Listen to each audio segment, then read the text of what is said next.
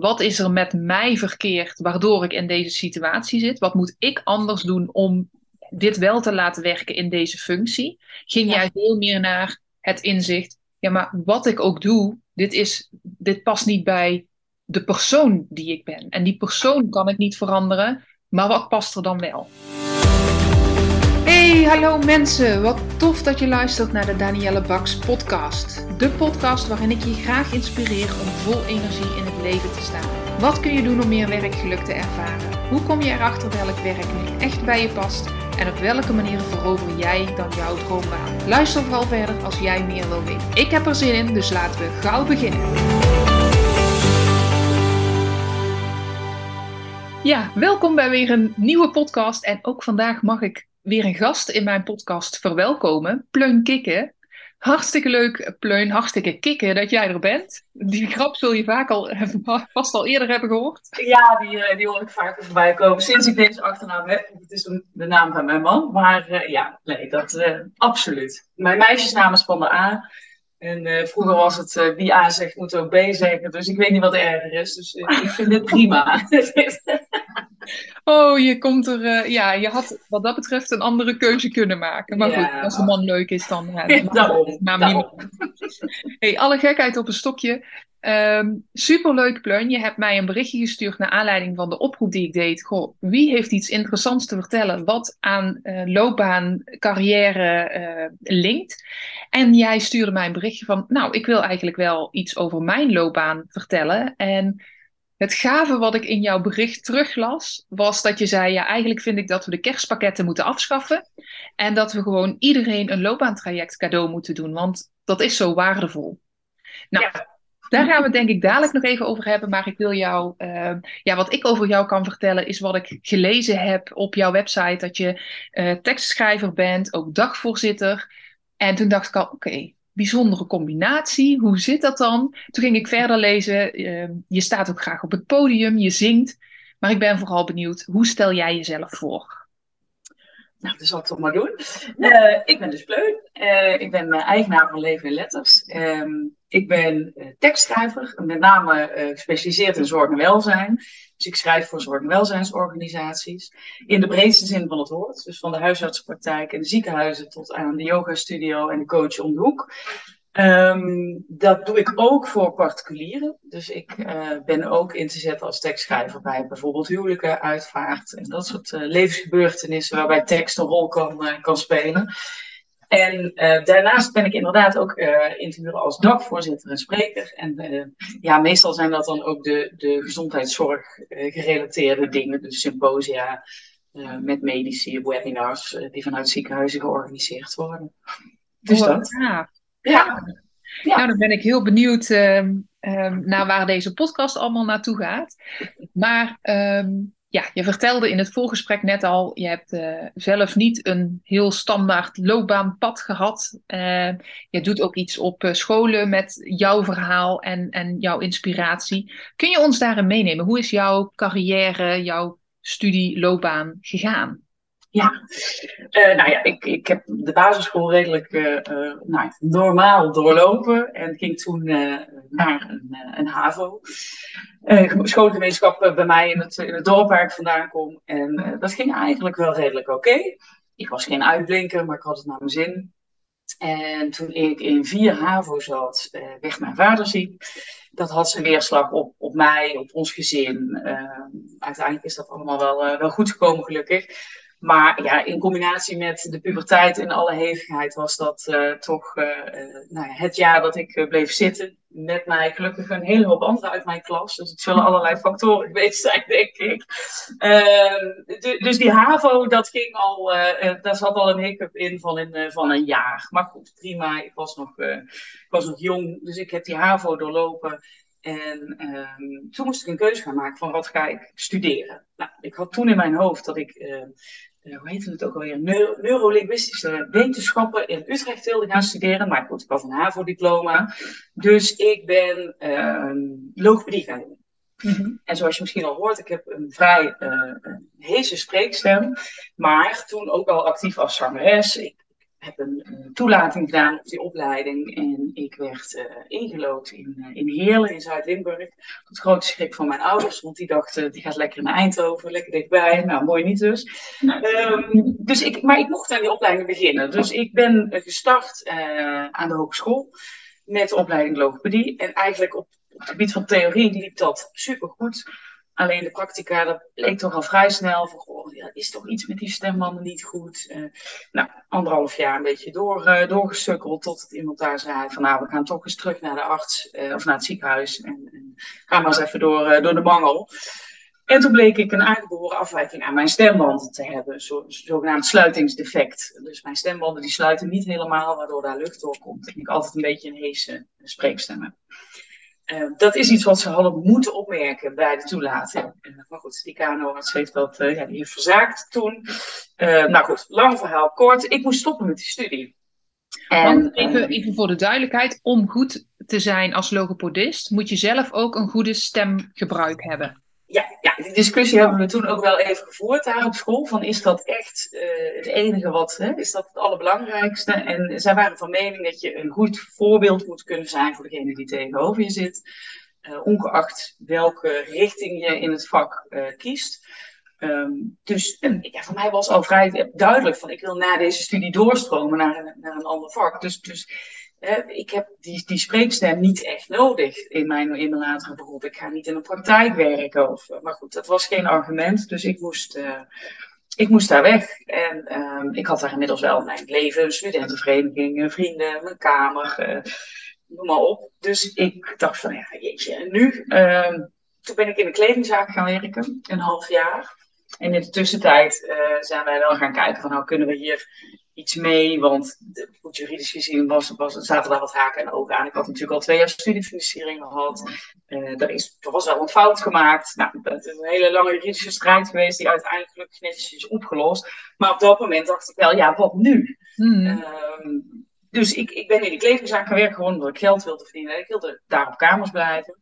Uh, en toen was ik al vrij snel, kwam ik tot de conclusie van, nou, ik wil wel weer gaan studeren. Dus mochten er mensen luisteren met uh, ongemotiveerde uh, scholieren of studenten in de familie. Laat ze een ergens uh, heel hard werken voor weinig geld. En je moet zien hoe snel ze weer richting, richting schoolbanken racen. Tenminste, ik wel. Um, dus ik dacht, ja, ik, ik wil echt iets gaan doen. Toen ben ik gaan kijken van, ja, wat kan ik dan? En ik wilde eigenlijk ehm, heel graag toch in die gezondheidszorg. Dus toen wilde ik gezondheidswetenschappen gaan studeren in, in Maastricht. Bij Heerlen, leuk. Alleen daar had je uh, wiskunde als verplicht vak. Nou, dat, ik ben in heel veel dingen uh, prima, uh, een prima student, maar niet als het gaat om getallen. Dus ik ben, ja, ik kon niet aan die opleiding beginnen, want ik heb met mijn heb geen eindexamen gedaan in, in wiskunde. Dus ja, ik moest wat anders en ik wist het niet. Dus toen heb ik gekozen voor de studie journalistiek in Tilburg ik had nog een woning in Heerlen, dus ik ging iedere dag op en neer van Heerlen naar Tilburg. Nou, als het, ja, ja, ja, als het te laat werd, ging ik, eh, sliep ik bij mijn ouders hier in, eh, in Brabant. En um, nou ja, goed, dat, dat, dat jaar, dat was een heftig jaar. Dat was het jaar dat, uh, uh, zeg maar, 9-11, dus de, de Twin Towers neergingen. Dat was in mijn eerste week journalistiek. Dus ja, het klinkt cru, maar ik viel echt met mijn neus in de boter. Want ja, die hele school stond uh, op zijn kop. Dat, dat was natuurlijk het event van de eeuw. Um, dus ik heb daar wel heel veel geleerd in dat eerste jaar. Maar ik kwam er al vrij snel achter dat het niet mijn wereld was. Dus het schrijven vond ik heel erg leuk. Het interviewen vond ik heel erg leuk. Uh, maar die echte nieuwsgaring en dat als een razende reporter achter mensen aanzitten.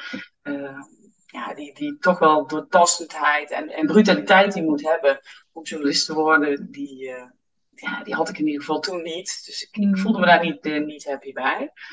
Dus ik heb na dat jaar uh, gekeken van ja, en wat nu? Ik heb daar mijn propeduis gehaald. Um, ik had ook mijn propeduis logopedie, dus ik kon naar een universitaire studie. Ik kon overstappen.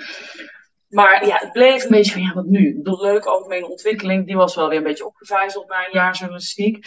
En toen hoorde ik dat de wiskunde-eis verviel bij gezondheidswetenschappen. Dus toen dacht ik, hé, hey, dit is mijn kans. Dus toen ben ik eh, toch weer naar Maastricht gegaan. ik woonde nog steeds in Heerlen, dus dat kwam goed uit. En daar ben ik begonnen aan mijn studie gezondheidswetenschappen. En ehm, nou ja, ik moest in, in, het eerste jaar een avondopleiding wiskunde op MBO-niveau doen. En als ik die ehm, haalde, dan mocht ik door naar het tweede jaar. Dus dat eerste jaar, daar hing best wel wat van af. Dus ik mm voor het eerst op de universiteit. En toen dus uh, ook nog die avondopleiding. Dus dat was hard werken. Maar het was helemaal mijn ding. Ik, ik vond het een geweldige studie. Ik zat tussen allemaal gymnasten, eh, vers van het, van het gymnasium. Uh, hartstikke jong nog. En, en ik was natuurlijk al een paar jaar ouder. Dus ik, en ik was zo gemotiveerd. Ik moest drie keer zo hard werken als alles wat bij mij in, dat, uh, in die collegezaal zat. Ja. Um, dus ik, nou, dat heb ik gedaan. En ik, ik had echt zoiets van, ja, maar dit is mijn ding. Hier wil ik verder mee. Dus ik heb die studie uh, gevolgd en toen ben ik in mijn derde jaar uh, in contact gekomen eigenlijk met, met het recht, het gezondheidsrecht. Dat was een bijvak wat je kon volgen. En daar was ik zo ongelooflijk, dat vond ik zo ongelooflijk tof. Toen dacht ik, ja, maar hier wil ik ook iets mee. En toen sloeg ik een beetje door, want toen kreeg ik de mogelijkheid om ook dan tegelijkertijd de propeduis Nederlands recht te doen. Tegelijkertijd met mijn derde jaar bachelor gezondheidswetenschappen. En toen dacht ik, nou, waarom, waarom niet? Het is in dezelfde stad. Het werd allemaal wel redelijk op elkaar afgestemd. Dus dat heb ik gedaan. En nou ja, hartstikke leuk. Ik heb dat jaar ook afgemaakt. Um, maar ik merkte toen al wel van ik wil echt die gezondheidszorg in. En het is super tof, dat gezondheidsrecht. Maar al die andere vakken, rechtsgeschiedenis, rechtsfilosofie. Ja, Weet je, dat, dat, ik kon daar niks mee in, mijn, in, mijn, in de dagelijkse praktijk. Dat had ik al wel in de smies. En die kant wilde ik niet. Te theoretisch. Ja, ja. En, en ook omdat ik wilde, wist van ik wil die zorg in. Denk ik, ja, wat kan ik daar dan mee? Met, met, met gezondheidsrecht dan zie ik wel. Maar met al die andere vakken die je moet, moet volgen. Uh, als je gewoon de volledige studie rechten doet. Dus uh, na dat jaar ben ik in ieder geval heb ik dat afgerond. De propeduis gehaald. En, en verder gegaan met gezondheidswetenschappen, dus mijn eh, bachelor gehaald en vervolgens mijn master.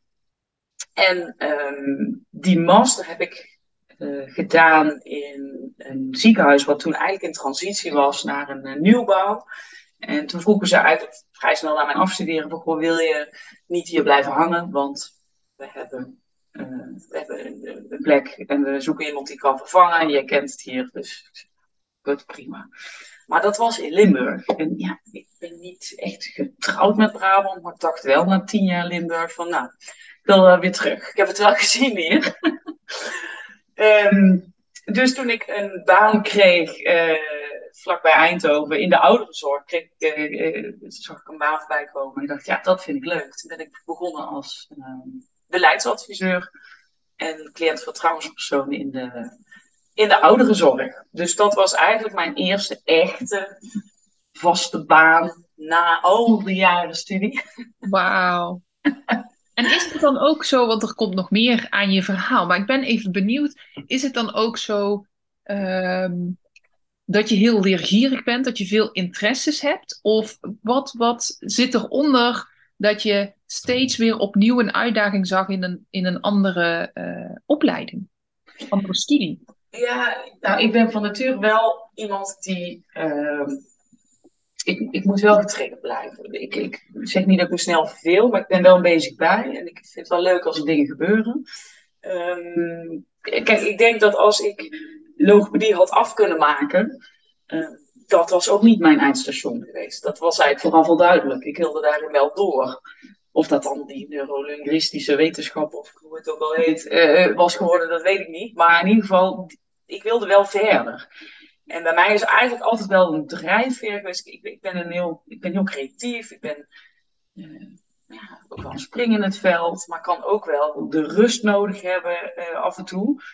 En, en dat maakte dat ik op de basisschool ook een leerling was die niet zo te die, ik was niet zo in een hokje te stoppen. Dus toen ik mijn eindexamen of mijn, mijn advies kreeg voor de middelbare school, toen was er ook wel twijfel van die HAVO, is dat dan wel zo'n goed idee? Dat is allemaal wel een gezellige meidtype, maar ja. Het paste niet in het schoolsysteem wat er ja, vooral was. Dan, Toen had je nog veel meer één meetlat en dan moest je langsgelegd worden. Maar ja, als jij het ene moment zo en het andere moment zo presteert, ik herken dat, want mij hebben ze met een score van 5,41 naar het VBO gestuurd. Ja, dat was ook echt meer fout konden ze het niet hebben. Maar ja, het was makkelijk, want mijn stiefzussen en stiefbroer zaten daar ook.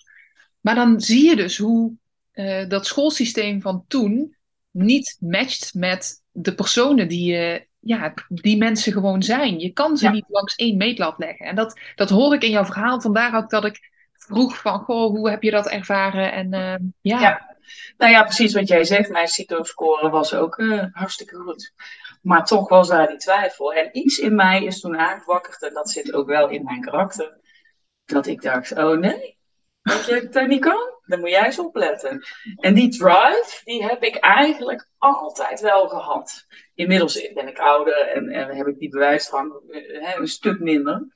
Maar dat heeft mij wel echt door die studie heen gesleept. En zeker ook zo'n studie gezondheidswetenschappen. Ik bedoel, ik had daar statistiek, eh, wiskunde, eh, nou, economie, alle vakken waar ik, waar ik echt... Waar je kost.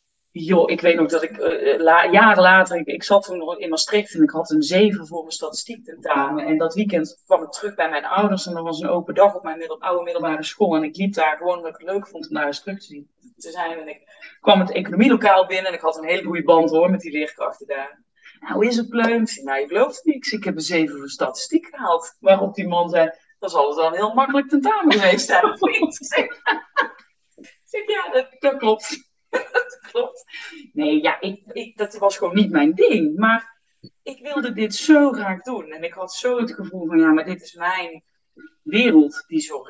En, en ik wil, uh, nou ja, ik ben ook wel iemand die, ik heb een mening en die, die wil ik ook laten horen. Als, het liefst, uh, dat, hè, het liefst op zo'n manier dat daar ook echt uh, iets door verandert. Dus dat beleidswerk, dat sprak mij aan. Dus ik wilde gewoon die kant op. En die drive was ja, ongelooflijk. Ik denk dat als ik vanuit uh, mijn 17, 18 jaar uh, zelf, als ik daar naar kijk, en ik had VWO gedaan en ik was meteen die studie gaan doen, dan weet ik niet of ik hem had afgerond. Ik was natuurlijk al wat ouder, ik had al twee studies uh, niet afgemaakt. En ik dacht, ja, maar dit is het. En nou moet ik potverdorie laten zien dat ik het kan. Ja. En dat, ja. ja. wat dat betreft, um, alles maakt wie je bent vandaag de dag. Ook die, die uh, tussen aanhalingstekens verkeerde keuzes, studiekeuzes. Het maakt wie je bent en waar je nu staat. En ik ben heel benieuwd hoe je op dit punt terecht bent gekomen. Maar um, ja, die, die, die stappen werken eraan mee. Maar als je terugkijkt en kijkt, als ik kijk in mijn praktijk, wie dat ik hier spreek voor loopbaantrajecten, zijn het heel vaak mensen die gewoon op 12-jarige leeftijd nog geen s'nachts wisten van, ja, wat wil ik nou later als ik groot ben? Uh, veel te veel vanuit het schoolsysteem maar iets hebben gekozen of gestimuleerd door ouders. Heel vaak zijn het mensen die op latere leeftijd, als ze iets gezien hebben van de wereld, als ze ontdekt hebben, ja, wie ben ik nou eigenlijk, wat vind ik belangrijk, wat past bij mij, dan opnieuw een keuze maken en iets heel anders kiezen. Ja. En ja, volgens mij is dat bij jou ook hetgeen wat er gebeurt. Ja, dat klopt. Vertel. Ja, nou ja, ik, ik ging aan de slag in de ouderenzorg. Als, uh, wat ik zei, beleidsadviseur, cliëntvertrouwenspersoon, klachtenfunctionaris. Uh, in dat soort uh, functies. Ontzettend leuk. Ehm, leuke organisatie. Ik heb daar in totaal bijna tien jaar gewerkt. Um, kreeg op een gegeven moment ook de kans om locatie, om locatiemanager uh, te worden van een nieuw te openen locatie. Ik was, ik was 30. Ik had net een kind gekregen van 31. Net onze oudste was net geboren en ik kreeg de vraag: wil je dat gaan doen? Een team van 60 man, uh, ja, zoek het maar uit. Veel plezier. Ja, super heftig. Maar ook daar dacht ik: ja, deze kans krijg ik nooit meer. Ga ik doen. Ik ga ze laten zien dat ik dat kan. Nou, dat heb ik uh, twee jaar gedaan, zoiets. Toen kwam ik er wel achter van, nou, zo'n verpleeghuis runnen, dat is leuk. Maar die zijn 24 uur per dag, 7 dagen in de week open. En ik werkte 28 uur. Maar ik doe iets goed of ik doe het niet. Dus ik was eigenlijk altijd bereikbaar voor mijn mensen. Hmm. Met gevolg dat ik zeven dagen in de week aan het werken was. En, en gewoon niet meer tot rust kwam. Dus toen sluimerde daar al iets dat ik achteraf denk van ja dat is geen gezonde, uh, dat was eigenlijk geen gezonde situatie. Maar ik was enthousiast, ik vond het leuk. Nou, na twee jaar zei ik van, het is klaar, ik ben op. Ik, ik wil echt even iets anders. Toen ben ik daar in, datzelfde, in dezelfde organisatie uh, een andere afdeling gaan managen met een, een kleiner team. Nou, ook hartstikke leuk. Maar in die periode raakte ik zwanger van onze tweede. En toen dacht ik wel van ja, wil ik dit nog? Dat managen, weet je, superleuk hè. Ik denk ook echt dat ik dat wel in me heb. Maar ik had thuis genoeg te managen. Met, met een kindopkomst en een, eh, en een peuter van twee, uh, tweeënhalf jaar rondlopen. Dus ik nee, ik, ik, ik, moet wat anders gaan doen. Dat, dat heb ik daar aangegeven. Daar was op dat moment in die organisatie niet zoveel ruimte voor. Eh, er werden ook eisen gesteld aan het aantal uren dat je als manager ging werken. En, dat was meer dan dat ik wilde. Dus toen heb ik gezegd, van, joh, ik, ik ga iets anders uh, zoeken. En toen kwam ik terecht in een ziekenhuis hier in de regio. En daar ben ik gaan werken als kwaliteitsonderzoeker. Dus echt onderzoek doen naar, uh, medische missers. Uh, ja, dingen gaan fout. En dat is 9 van de 10 keer niet de schuld van degene die dat doet, maar van het systeem. En, en, waar zit hem dat dan in? En hoe kunnen we voorkomen dat dat nog een keer gebeurt? Dus ontzettend mooi, uh, mooi en dankbaar werk. Uh, maar ook wel heel zwaar. Je hebt heel erg te maken met veel negativiteit. Mm. Het zijn toch vaak de nare gebeurtenissen. Dus ik was eigenlijk altijd bezig met dat wat er misging. En ik kon wel anticiperen en kon wel, wel tips geven. Nou, oké, dit gaan we volgende keer anders doen. Maar, maar in de kern was ik altijd bezig met die negativiteit. En heel langzaam zoog me dat leeg. Uh, het was een hele veilige organisatie. Um, dus ik denk dat eigenlijk, ik werkte daar toen twee jaar. Toen ik op een dag eigenlijk van de mensen om mij heen te horen kreeg van ja, maar Pleun, uh, misschien moet je eens even thuis blijven. Want je bent je helemaal schoppers aan het werken. Ehm, en dit, dit is niet goed. Dit is niet gezond. we zien dat je het zwaar hebt. En ik maar door, hè. Nee, niks aan de hand. En uh, burn-out gaat toch weg. Dat is, uh, dat is voor mietjes, weet je zo. ik toch niet. Nou, goed. Uh, lang verhaal kort.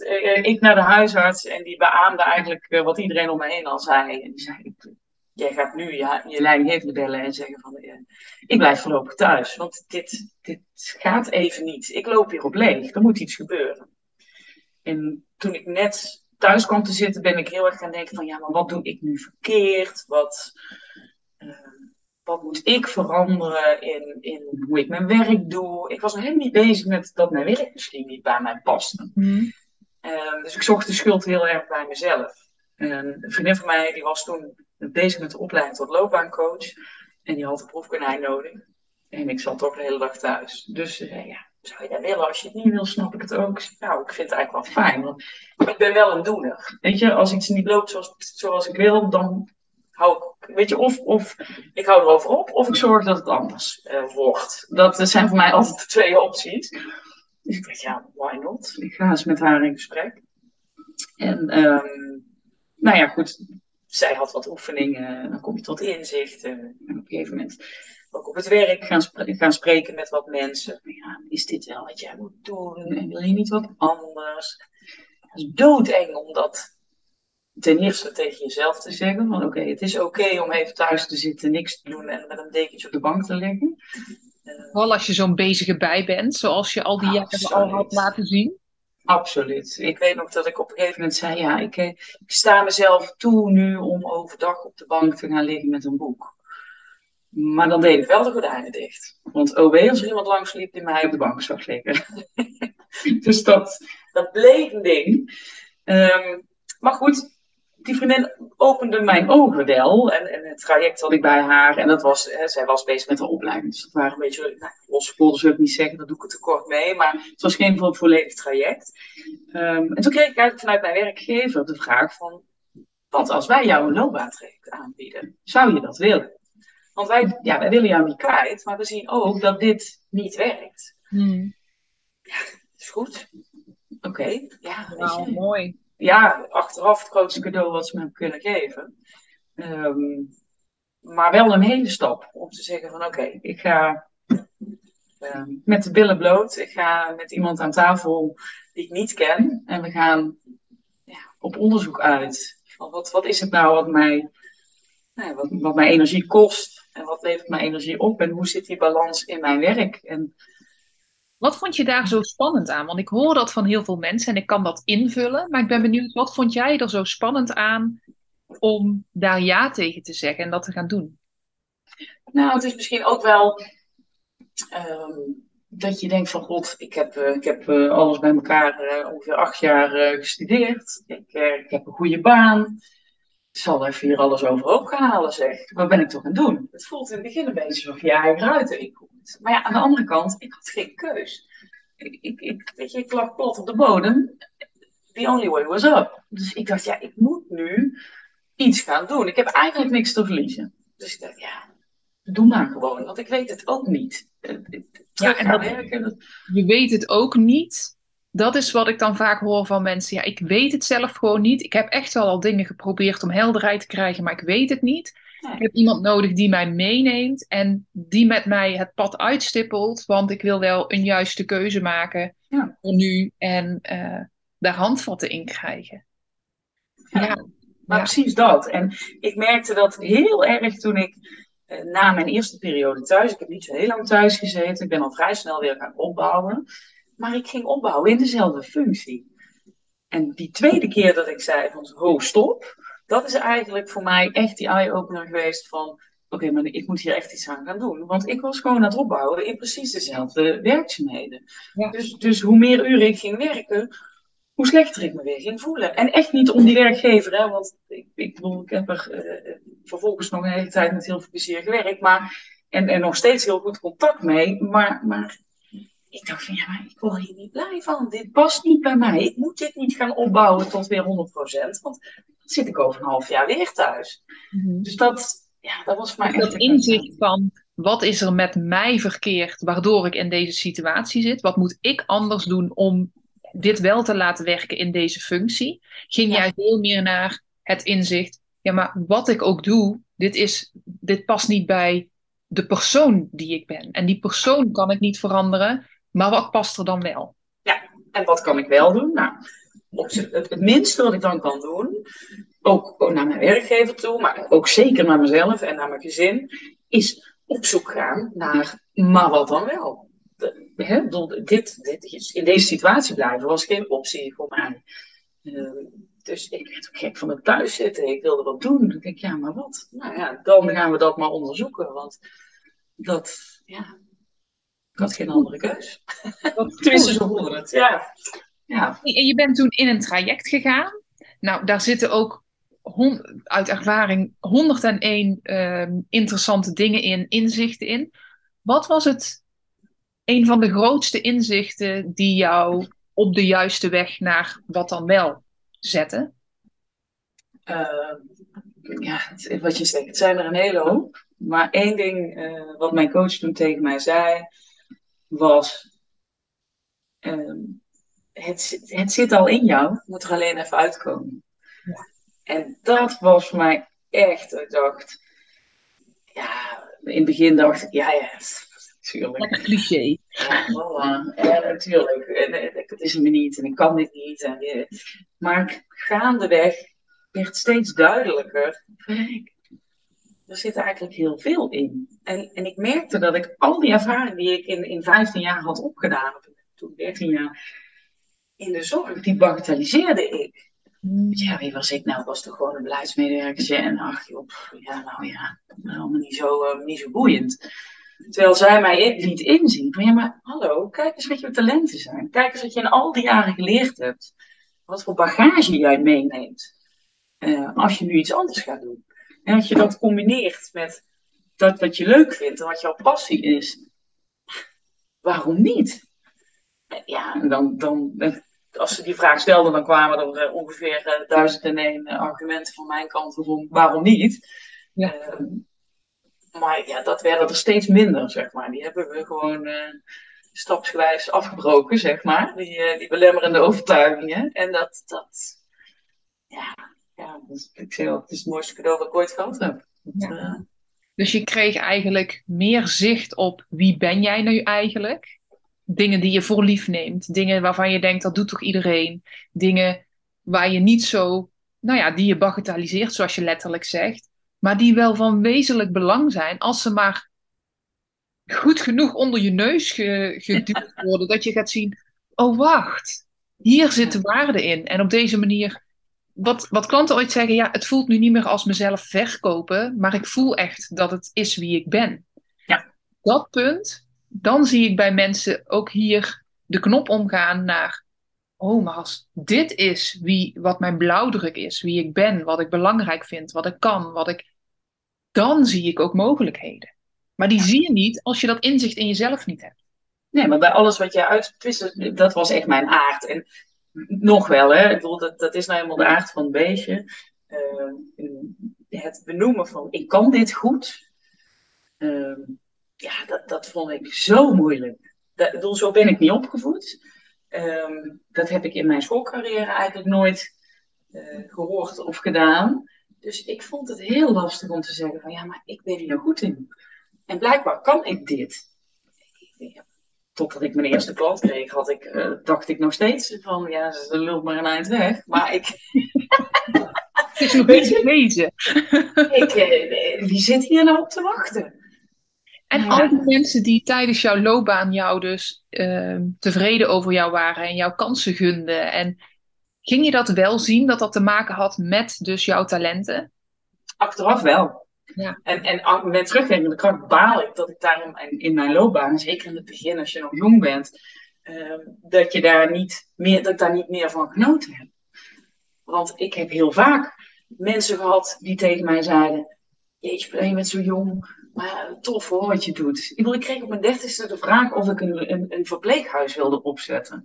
Ja. Dat vragen ze niet aan iedereen. Maar op dat moment, ja, en nu ik het uitspreek, vind ik het nog steeds lastig hè? Om, om daarover te praten. En, want het voelt nog steeds alsof ik nu van, oh, kijk mij eens even. Uh, maar ja, ze vragen het denk ik niet voor niets. Nee, ze vragen het niet voor niets. Nee, nee. Oké. Okay.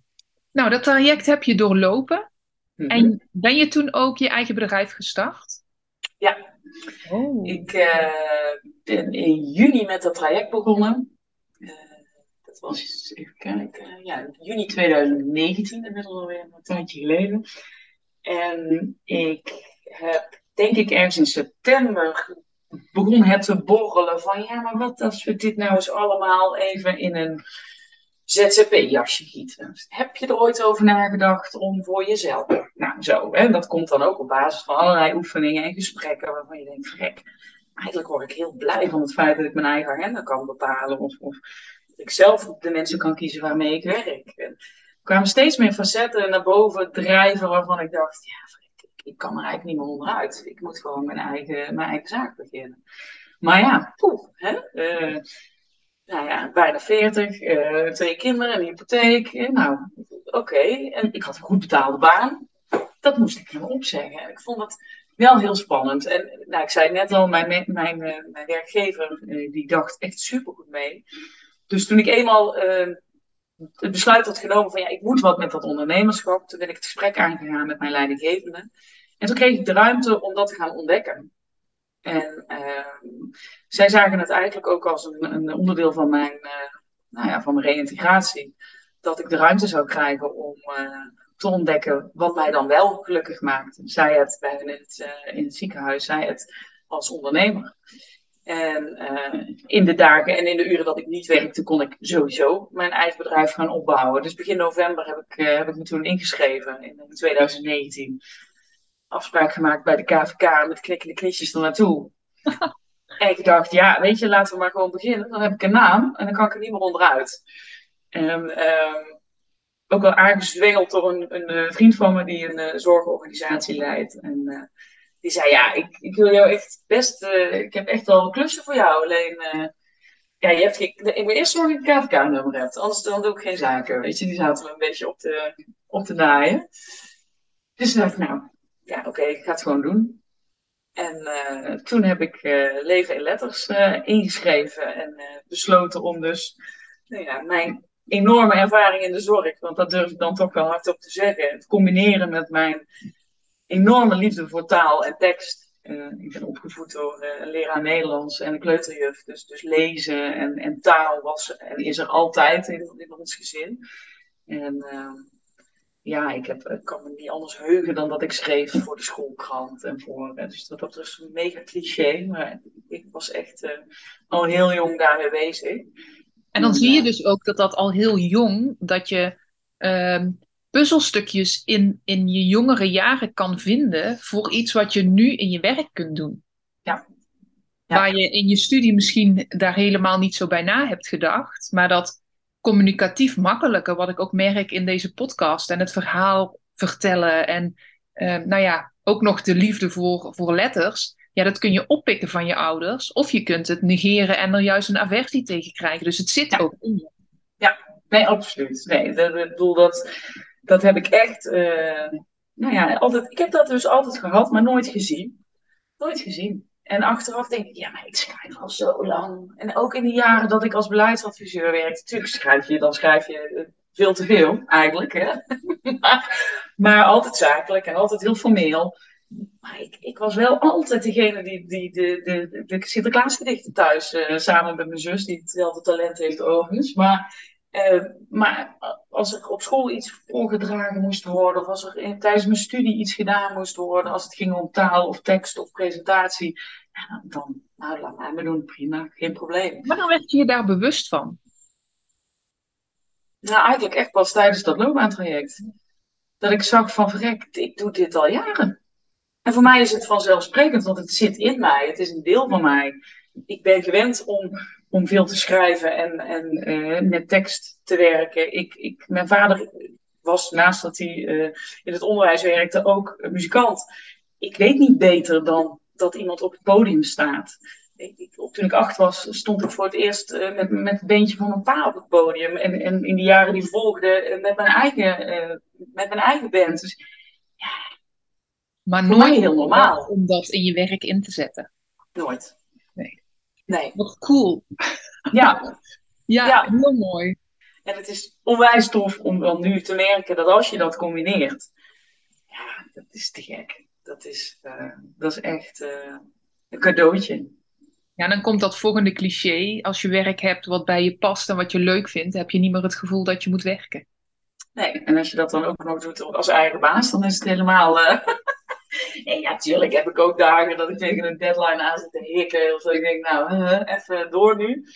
Maar over het algemeen, ja, weet je, twee jonge kinderen, uh, zeker ook COVID natuurlijk de afgelopen jaren, wat om de hoek kan kijken. Ik vond het een zegen dat ik gewoon thuis zat te werken en flexibel kon zijn. Uh, mijn man heeft een hele drukke baan, maar is gelukkig ook daarin wel heel flexibel. Dus dat hebben we echt met z'n tweeën op kunnen vangen. En um, ja, ik vind het gewoon lekker. Ik werk over het algemeen vanuit thuis. Ik ga ook wel naar, naar opdrachtgevers toe. Maar ja, weet je, als, als ik weet van nou, ik heb op zondagavond uh, ergens een gezellige borrel, ja, dan plan ik op maandagochtend niks in. Want dan breng ik de kinderen naar school, kan ik daarna rustig wakker worden, weet je. En even de, de rotzooi thuis opruimen. En je kunt gewoon echt je eigen, ja, je eigen agenda bepalen. En ook luisteren naar van, oké, maar wat uh, wil ik op dit moment? En wat, waar ben ik daar word ik blij van. Ik probeer dat ook eens in de zoveel tijd echt even te peilen. Van oké, doe ik nog wel wat ik leuk vind? Want het is natuurlijk, zeker als je net begint, heel verleidelijk om uh, nou ja, alle opdrachten waar aan te nemen. En gelukkig ben ik nu in de positie dat ik kan zeggen, nou dit vind ik leuk en dit vind ik minder. Dus dat doe ik niet. Maar uh, ja, dat heb ik ook wel moeten leren. Dat is, dat nou ja, dat kan ik wel voorstellen. Als je zegt, ik vind het best spannend om met een hypotheek, een gezinssituatie, een vastigheid op te geven. Ja, dat, dat laat wel zien dat je daar ook be, uh, belang bij hebt en, en waarde aan hecht. Dat was ja. eigenlijk gezocht. En dan is het heel fijn om uh, opdrachten te krijgen en met die mindset anders om te gaan. Van hé, hey, ja. maar wil ik dit ook? Word ik dan ook blij? Of zijn dat de momenten dat ik een ja zeg tegen een opdracht en dat ik eigenlijk weer met buikpijn in mijn eigen bedrijf zit? Ja. En ja. Ja, dat is wel gaaf dat ik je dat wil zeggen. Van, nou, ik blijf daar continu wel mee bezig. Ja, absoluut. En ik, ja, ik heb ook wel, ik realiseer me wel dat ik in een fijne positie ben gestart. Want toen ik mijn bedrijf begon, uh, wat ik al zei, kreeg van mijn, mijn werkgever alle ruimte. En ik ben eigenlijk mijn uren gaan afbouwen. Uh, dus ik heb nog uh, een jaar, ongeveer anderhalf jaar, mijn bedrijf opgebouwd. Terwijl ik nog in loondienst was. En ik ging gewoon steeds minder uren werken in loondienst. Ja. Het is natuurlijk een ontzettend luxe positie en, en, een man met een goede baan. Dus, dus financieel was er weinig paniek en was het weinig spannend. Maar toch voelde dat wel zo. Kijk, mijn man kan tegen mij zeggen: eh, Schat, doe je ding. En dat heeft hij ook gedaan. En we redden het wel. Maar dan grapte ik, ja, maar als jij volgende week uh, iemand tegenkomt en je loopt uh, je de deur uit, dan sta ik wel te koekloeren, want dan heb ik geen baan meer. Dan, dan ik, ik ben opgevoed in financiële, uh, nou ja, wilde het niet zeggen, maar ik heb het altijd goed gehad. En mijn ouders hebben mij ook geleerd, jonge dame, je regelt je eigen centjes. Je bent daarin niet afhankelijk van andere mensen. En op dat moment heb ik wel dat stukje aan de kant moeten zetten en moeten zeggen van nou oké, ik, ik spring in het diepe, ik voel me gesteund. En we hebben een, goede relatie, we zijn al heel lang bij elkaar, dus ik heb daar vertrouwen in. Maar ik vond het wel spannend. Want ik dacht, ja, je hoort ook wel eens eh, andere verhalen. Um, en je stelt je wel heel afhankelijk op. Kijk, en inmiddels is dat, ben ik uit loondienst en, en loopt mijn bedrijf goed en heb ik helemaal niks te klagen. Maar die eerste periode vond ik dat wel spannend. Dus ik snap ook wel dat dat voor mensen die in hetzelfde schuitje zitten echt wel een stap is. Ja. Ehm, maar ik heb ook wel gemerkt dat als je dan eenmaal springt, oh joh, die vrijheid. En dan komen er zoveel toffe dingen op je af. Dat is echt zo. Dat, uh, ja. ja. Ja, wat ik altijd mensen aanraad als ze op dat punt staan van zal ik of zal ik niet. Doe nog net een beetje meer onderzoek naar, oké, ehm, klopt het beeld wat ik heb? Is het echt zo moeilijk? Hè? Jij zegt ook een bevriende um, ondernemer die zei, nou, ik heb wel een baan of ik heb wel een opdracht voor je. Oké, maar praat daar dan eens over door. Zorg dat je informatie krijgt mhm. waardoor je die zekerheid al iets meer kunt inbouwen. Ga op zoek naar, maar wat als ik dat zou doen? Wat zou dan de volgende stap zijn? En wat heb ik daarvoor nodig? Of wat, wie kan me steunen? Of... En dan zie je dat zo'n drempel ook lager wordt. Ja, ja plus dat ik, ja, ik zei, ik ben niet te flauw om te werken. Dus als er echt nood aan de man was geweest, kijk, ik, prijs me gelukkig, want vanaf dag één heb ik opdrachten gehad en ik heb nooit echt heel hard hoeven trekken aan, aan hè, weet je, koude acquisitie en zo. Dat hoef ik allemaal gelukkig niet te doen. Omdat gewoon vanuit mijn netwerk in de zorg die opdrachten uh, ook wel uh, op mijn pad kwamen. Uh, maar ik heb wel altijd gezegd, ja, als het nodig is en het moment is daar, dat, dat het financieel gewoon nodig is om, ja, nou dan ga ik dus noodzakelijk de kassa zetten bij de plaatselijke supermarkt. Ja, kan mij het schelen. Ik, ik geloof echt in dat je altijd wel op een manier geld kunt verdienen. Dus dat heb ik ook wel, ook in dat traject wel geleerd om, om dat doen denken een klein beetje, ja, maak het is wat kleiner. En, en is het echt zo, eigenlijk wat jij zegt, van onderzoek is, is het nou echt allemaal zo zwaar of zo gevaarlijk? Of aan de andere kant, hè, zijn er dingen die je wat meer zekerheid kunnen bieden. Dat, uh, ja. Wat een inspirerend verhaal, Pleun. Dank je wel. Zijn er nog laatste, laatste kreten, adviezen, tips, inzichten, dingen die we nog niet hebben besproken om het verhaal rond te maken die je nog wil delen? Nou, ik, ik vind uh, uh, twee dingen heel belangrijk. Wat ik eigenlijk in het begin al zei, ik vind dat echt alle werkgevers van Nederland gewoon het kerstpakket moeten afschaffen en hun medewerkers een loopbaantrekker cadeau moeten doen. Want ik denk dat het, ook als je het fijn hebt in je baan, ook als je goed in je vel zit, dat het goed is om gewoon af en toe eens even die thermometer erin te steken en te kijken van hoe, hoe sta ik erin? Waar, welke fase van mijn leven zit ik? Past dit nog bij mij? En daar voorkom je ook heel veel ellende mee. Uh, en mocht je in zo'n situatie zitten waarin je niet, hè, waar je eigenlijk al te ver bent en zegt van ik voel me daar niet oké bij en ik ben niet gelukkig met mijn werk. Ja, zet, zet die stap. Ik bedoel, ga ermee aan de slag. Het kan je zoveel inzichten geven. Ik ben echt heel blij dat ik dit heb meegemaakt. Ik heb niet die burn-out en, en het hele traject. Het was echt niet de, leukste tijd van mijn leven, absoluut niet. Maar ik zou het niet willen missen. Het heeft mij echt wel gebracht waar ik nu ben. En dat, uh, ja, dat vind ik echt een hele belangrijke boodschap die ik wil overbrengen. En ja, tegen de, de, de jeugdige luisteraartjes, om maar even zo te zeggen. ik zie het ook om me heen, kinderen die op de middelbare school al keuzes moeten maken voor vervolgstudies. Uh, je maakt nu een keuze, maar die maak je op basis van je leven nu. En je kunt altijd nog een andere weg in. Je kunt altijd nog een andere studie gaan doen, een ander vak kiezen. Het is niet dat je nu een keuze maakt voor een studie en dat je op je zestigste dat nog aan het doen bent. Dat, zo werkt het niet. Er is altijd, je hebt altijd de keuze om het anders te doen. Dat was vroeger wel zo, maar jij bent het levende bewijs dat dat inmiddels niet meer zo is. En nee, nee. zelf ben ik daar ook het bewijs van, maar dan moet je even podcast 1 luisteren, dan deel ik dat met je. Daar ga ik nu niet op in, maar dat, dat is wel. Je kunt een ja. keuze maken met de informatie die je nu hebt. En Dat kan morgen alweer anders zijn. Ja. Het helpt wel door eerst onderzoek te doen naar wie ben ik dan, wat vind ik belangrijk en daar een keuze op te maken. Maar behalve dat, ja, over drie jaar of over vijf jaar of over tien jaar kan het heel anders zijn. Maar Wie dat is met alles. Dus eh, Kom ik dan gewoon ook weer terug? ja, Wie weet, deel 2. Geen idee wat ik over vijf jaar doe. nee.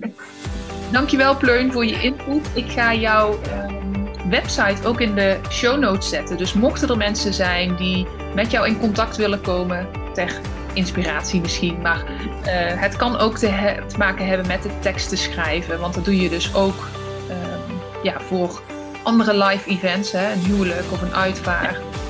Je bent wat dat betreft best wel breed als het met tekst te maken heeft. Ja. Dan weten ze je te vinden. Hartstikke fijn. Leuk, dankjewel. Mensen, dankjewel voor het luisteren naar mijn podcast. Mocht je deze aflevering interessant hebben gevonden, maak dan even een screenshot en tag me op Instagram Stories. Ik vind het ontzettend leuk om te zien wie er luistert en door te delen inspireer jij ook anderen. Hartstikke bedankt alvast en tot de volgende keer.